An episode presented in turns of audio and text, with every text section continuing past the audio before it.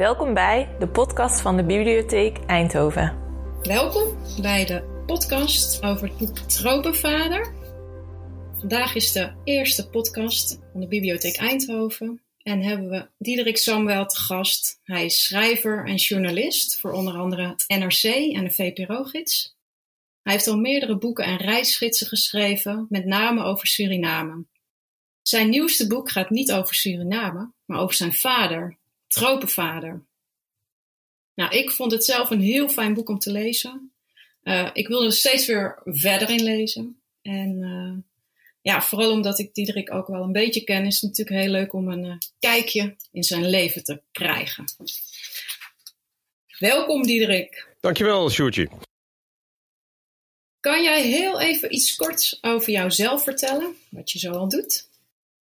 Ik ben schrijver, journalist. Uh, ben de laatste tijd iets minder bezig met het uh, publiceren van artikelen, wat ik uh, nou, zeg maar de laatste 25 jaar toch veel gedaan heb. Dat zegt iets over de kranten en tijdschriften.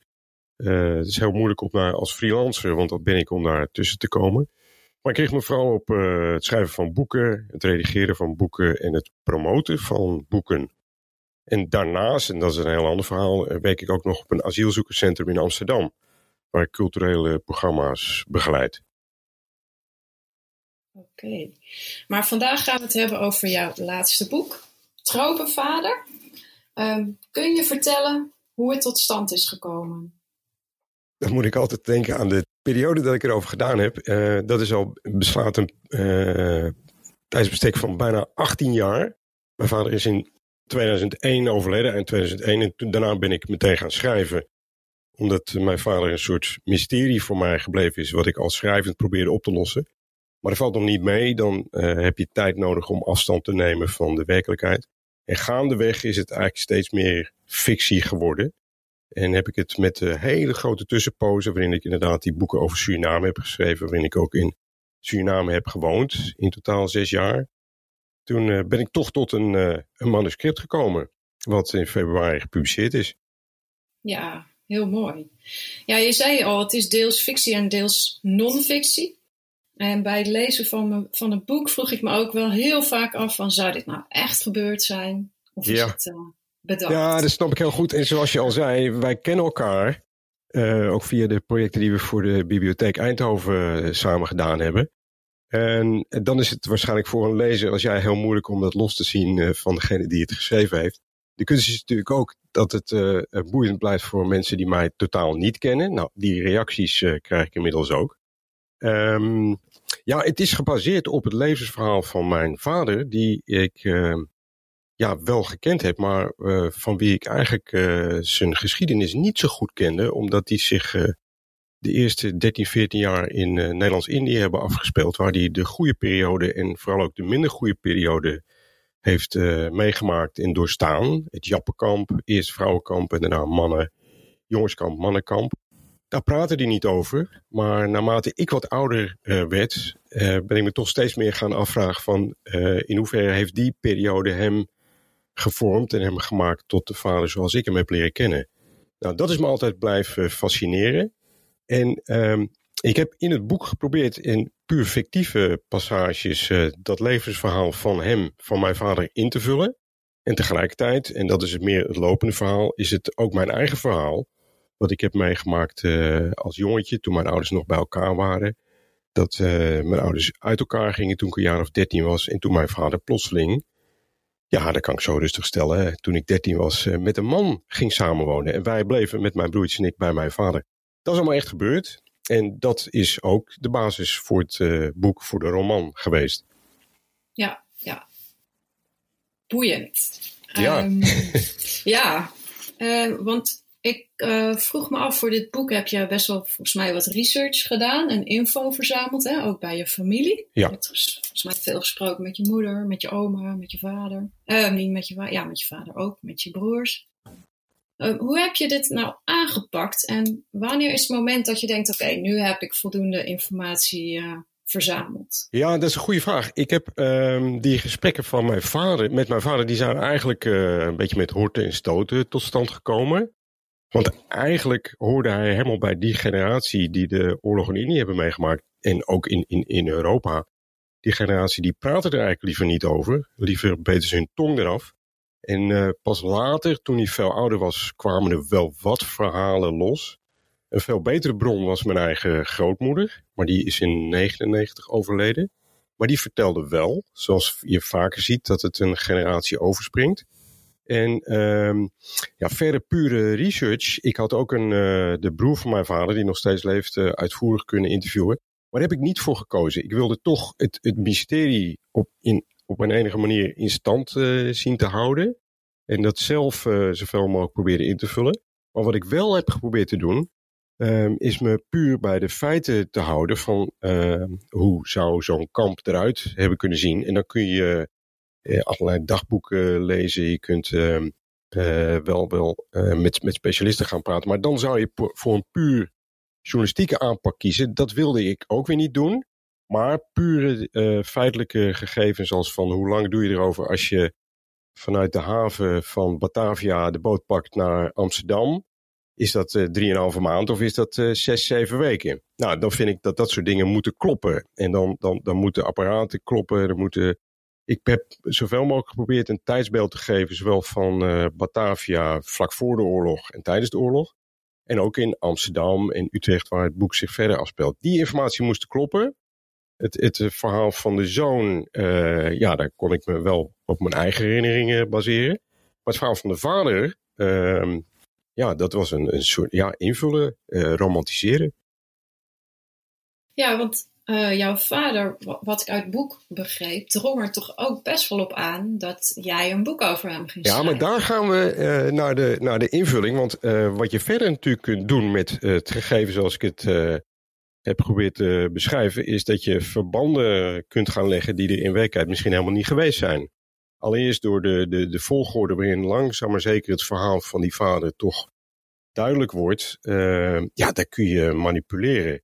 En uh, wat ik ervan gemaakt heb, uh, is dat ik uh, die, die, vader inderdaad, die zelf, dat is dan wel weer een feit van. hij werkte als advocaat, was vrij succesvol ook als letselschade specialist. Maar hij schreef niet. Hij, hij kon ook nauwelijks schrijven. Ik bedoel, hij kon wel iets op papier zetten, maar dat was niet zijn liefhebberij. En uh, dat gegeven heb ik uitgewerkt, uh, gecombineerd met zijn zwijgzaamheid. Van nou ja, ik vind toch dat het verhaal bewaard moet blijven en dan moet mijn zoon het maar opschrijven. Maar dat is, uh, dat is wat ik er zelf van gemaakt heb. Dus dat is weer pure fictie. Ah, oké, okay, oké. Okay. Ja, nou ja. Zo blijf je inderdaad heen en weer gaan tussen ja. wat is nou ja, en eigenlijk, ja, dit, dit is, dit, ja, ik wil het absoluut niet ontkrachten, want het, het ligt dicht bij de werkelijkheid. Maar in principe maakt dat, zou dat voor de lezer nee. niet uit moeten maken als je maar geboeid bent door het verhaal. Zeker. Ja, mee eens. Um, Gelukkig. ja. ja, wat je net ook al zei, het, uh, het thema hè, over de Tweede Wereldoorlog praten schrikt nog steeds veel mensen af die het meegemaakt hebben. Maar volgens mij ook de babyboom generatie vindt het niet altijd heel erg prettig. Nee. Die jongere generaties hebben juist heel veel interesse in het onderwerp. Ik merkte ook aan onze kinderen. Hoe komt dit, denk je? Ik denk dat het met afstand te maken uh, heeft gehad. En uh, als ik dan weer naar mijn eigen vader kijk, en ook zoals ik mijn grootvader, die, ja, ik denk nog veel traumatische uh, herinneringen heeft aan de Tweede Wereldoorlog. Want hij werd als krijgsgevangene naar Burma gebracht om daar aan die beruchte spoorlijn te werken toen ze in Nederland kwamen in 46, uh, waren zeker de, de Indiëgangers, uh, nou ja, ze mochten blij zijn dat ze uh, in Nederland een, een, plek konden vinden. En verder moesten ze niet moeilijk doen. Er was iets meer aandacht, of er was zeker meer aandacht voor wat er in, in Nederland en Duitsland gebeurd was. Maar verder ehm, werd je bijna gedwongen, of, of ja, om, om je met de dag van vooral vandaag en vooral morgen bezig te houden heel erg toekomstgericht een bestaan zien op te bouwen. En dat is natuurlijk de hele periode van de jaren 50, 60. En dan zou er een soort terugslag kunnen komen, uh, waar ik het wel zelf met mijn vader over gehad heb van, hé, hey, als ik nou een, een zoon ineens heb die een jaar of 11, 12 is, wat heb ik toen zelf eigenlijk als 11, 12-jarige uh, in Indië meegemaakt? Dat je dan een soort, ja, terug gedwongen zou, zou worden om, om uh, terug te kijken. Maar dat, dat ging niet van harte. absoluut niet. En dat, uh, van, ja, wat heeft het voor zin om terug te kijken? En misschien dat er dan nog een generatie voor nodig is om te denken van, hé, hey, ja, dan is mijn kleinzoon is ook 11, 12. Misschien moest ik het met hem erover hebben. Omdat er toch een besef komt dat het verhaal wat ze hebben meegemaakt uh, eigenlijk heel bijzonder is. Absoluut. Maar ook, ja, dan is het hè, vaak gissen naar wat er nou echt gebeurd is. Wat je veel hoort. Ja, en dat is natuurlijk sowieso met, met uh, uh, mijn eigen herinneringen en die van mijn vader. Van wat onthoud je precies? Nou, er zijn massa's boeken over voorgeschreven van ja. in hoeverre ga je uh, werkelijk gebeurtenissen aandikken, romantiseren. Waarom onthoud je het een wel en het ander juist weer niet? Mm -hmm. Dat is heel ingewikkeld. Ja. Een ander thema wat erg in het boek naar voren komt, is het thema uh, gender. Hè? Dus uh, homoseksualiteit, wat natuurlijk in jullie uh, leven een grote ja. rol speelde. En dat ja, in die tijd nog niet echt heel erg normaal was. En nu zie je dat dat thema nog steeds eigenlijk, of ja, weer actueel is. Hoe, hoe ervaar je dat toen? En hoe ervaar je dat nu? En welke verschillen zie je?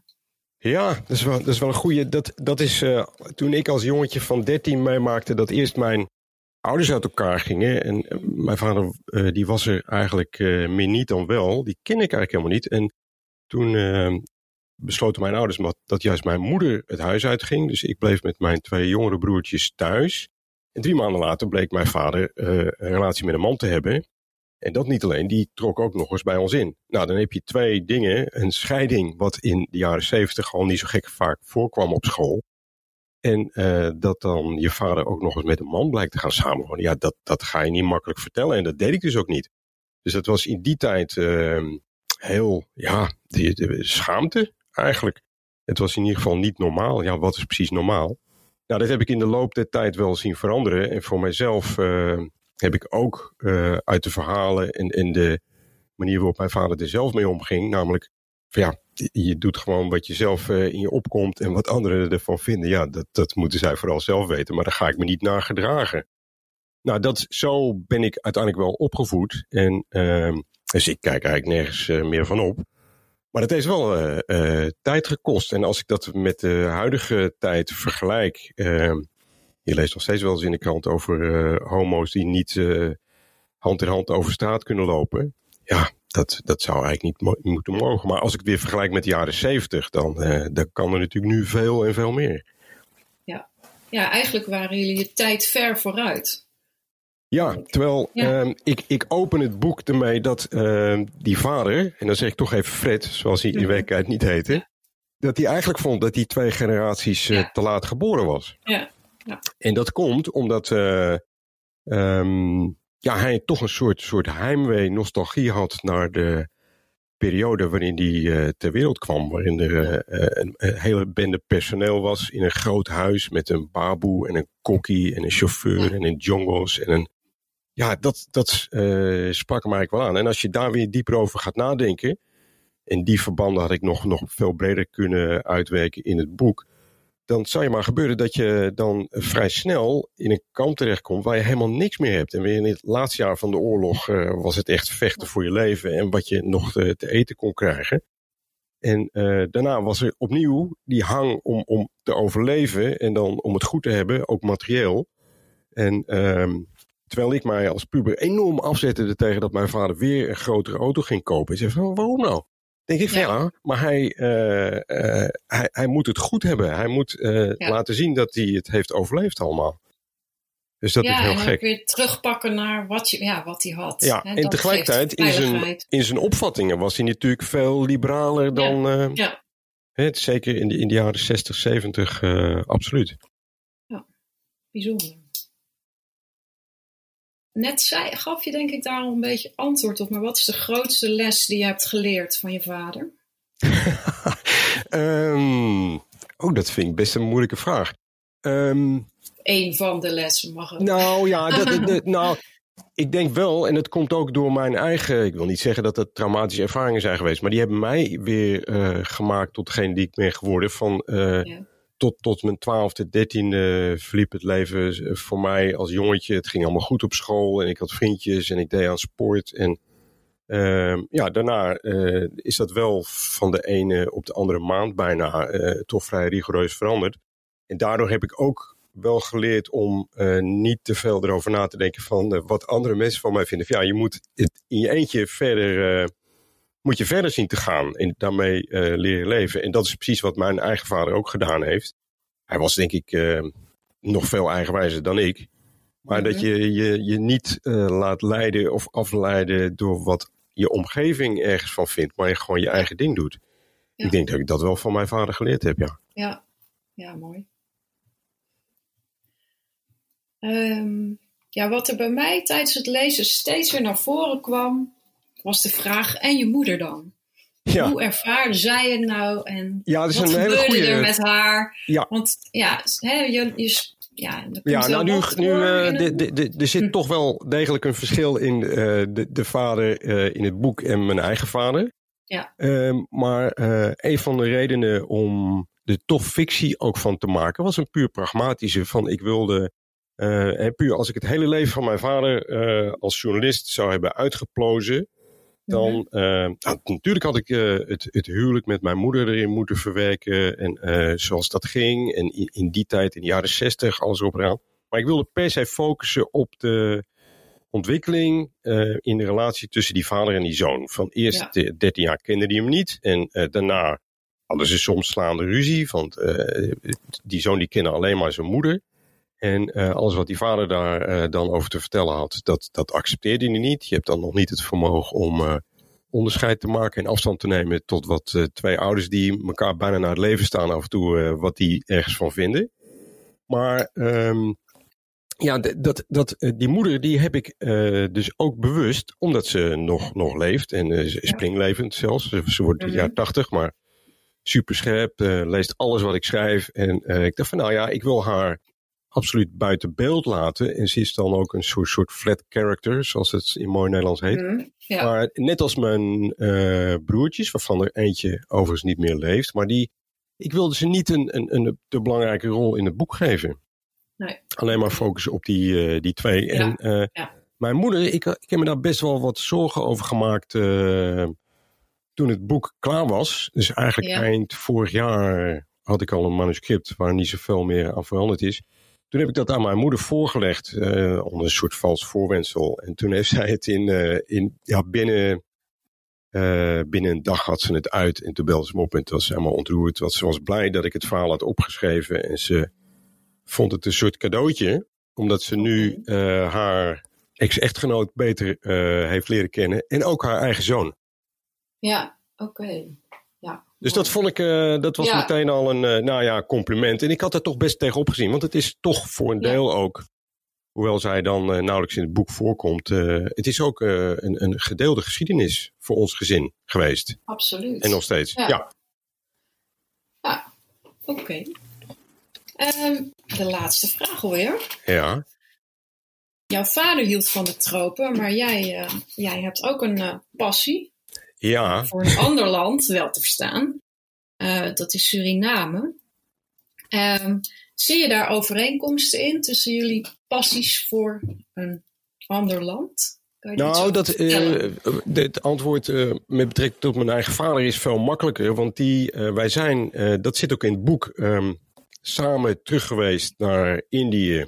Mhm. Omdat hij toen wel zoiets had op, op aandringen van zijn partner, van die, die, die, die vriend van hem.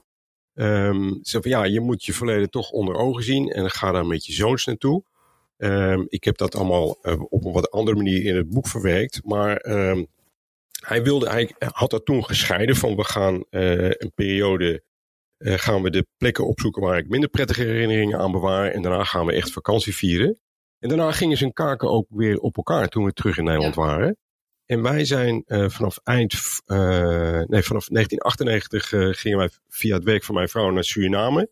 En hebben dus in totaal zes jaar gewoond. En daar is mijn vader ons komen opzoeken tot twee keer toe. En daar was het ineens, zonder die herinneringen, was het thuiskomen van dezelfde vochtige, klamme hitte. mijn vader kon enorm koketteren met het feit dat hij uit de tropen kwam. Dan had hij het mhm. vanaf begin oktober, kon hij al met dode vingers thuiskomen. En uh, als er op het journaal werd verteld dat de vorst aan de grond kwam in de loop van het, de herfst, nou, dan begon hij al helemaal te rillen en dikke trui aan te trekken. Maar dat, dat, dat was voor mijn vader. En voor mijzelf heb ik ook wel eens me afgevraagd van ja, misschien dat het toch ergens wat, wat Indisch of Javaans bloed de familie is ingestroomd. Want ik voelde mhm. mij op de eerste twee weken na Suriname toen ik dacht van wat, wat, waar ben ik nou toch terecht gekomen. Uh, maar ik voel me eigenlijk altijd uh, heel erg thuis daar. Ik heb daar vrienden, ik kan er mijn werk doen. En uh, ja, misschien kun je dat toch, die twee landen en die fascinatie ervoor niet helemaal los van elkaar zien. Terwijl tegelijkertijd ik in veel minder met de Indische cultuur heb. Dus wel met, met, met de mhm. Indo's en de Indiëgangers. Hoewel, ja, bij ons hoeft er niet echt heel vaak Indisch gegeten te worden of zo. Maar de, de Oosterse cultuur, uh, het feit dat ik niet uh, in dezelfde taal kan praten, dat, dat, dat vind ik veel lastiger als ik die ja. kant op ga. Ja. En in Suriname heb je natuurlijk geen probleem met de taal. En is het sowieso al een heel erg gemengde cultuur. Ja, klopt. Ja, nou dat, dat vond ik ook, dat staat ook in je boek inderdaad, hoe de de Indonesiërs reageren op jullie als jullie daar zijn. Hè? Altijd een glimlach. Maar ja. ja, of die nou gemeend is, zul je nooit weten.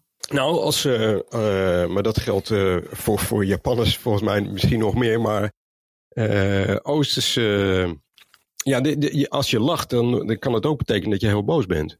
Ja. Dus dat is een masker, het is een camouflage. Ja. Dus je weet niet wat, ze, wat jou zegt. Dus dat is heel lastig. En ja. Overigens wil het niet zeggen dat als je dan toch weer die vergelijking met Surinamers maakt, dat die mhm. dan een open boek zijn. Dat is ook helemaal niet waar. Dus ik heb genoeg goede Surinaamse vrienden. Maar mm dat die nou zo heel snel het achterste van hun tong laten zien, dat, uh, dat is zeker niet het geval. Oké. Dus dat is ook weer fascinerend. Ja. Nou, ik ben benieuwd wat je volgende verhaal of boek gaat worden, Diederik. Maar ja, iets heel, iets heel anders. Ja, op zich hoor je vlak voor het, je, je nieuwste boek uitkomt al een, uh, een plan te hebben voor de volgende, volgende project. Dat je niet afgeleid wordt door de reacties uh, op, op het boek dat er net is. Zover ben ik nog niet, maar ik heb al wel wat ideeën. Maar uiteraard kan ik daar nog niks over vertellen. Maar dat gaat er wel komen. En zeker in deze tijd ja, heb ik best de gelegenheid om daar eens diep over na te denken. Ja, heel goed heel hartelijk dank. Zou je nog even kort kunnen vertellen waar jouw boek uh, en e-book te verkrijgen is? Ja, nou, eh, elke lokale boekhandel, waarvan uh, ze allemaal weer open zijn sinds een week of twee. Dus uh, ga daar vooral langs, want de grote en kleine boekhandels kunnen alle steun gebruiken. Daar kun je hem ook als e-book bestellen. En als je geen zin hebt om weer een boek aan te schaffen, dan ga je naar de bibliotheek. Om te beginnen die in Eindhoven natuurlijk. En ja. uh, als e-book is die zeker te krijgen. En dat is eigenlijk pas deze week. Uh, ik heb me daar een beetje over verbaasd. Maar uh, eigenlijk zou je zeker na deze laatste uh, twee maanden. Uh, zou het zo moeten zijn dat zodra de gedrukte versie uitkomt, dat er ook een e-book beschikbaar is. Maar daar zit altijd -hmm. een periode tussen. Maar sinds deze week, en dat is heel leuk, want ik kreeg meteen bestellingen uit Canada en uit Suriname, oh, maar ook uit uh, Vietnam of all places. Okay. Van ja, die, ze willen het allemaal wel hebben. En mensen mogen me ook mailen en dan kom ik hem langsbrengen. Maar dat doe ik alleen in Amsterdam, want daar woon ik toevallig. Ja, en dat gaat via jouw website. Ja, daar nou, staat jouw mailadres. Ja, ja, ja, precies. En ja. dan signeer ik hem. En dan stuur yes. ik hem ook op. En er zijn dat heb ik uh, de afgelopen tijd, nou het loopt niet echt storm, maar er zijn wel mensen die dat speciaal vinden. Ja, mooi. Oké, okay. dankjewel. Graag gedaan, nou, hartstikke leuk om te doen. Ja, heel leuk. Dit was de eerste podcast. En tot de volgende keer.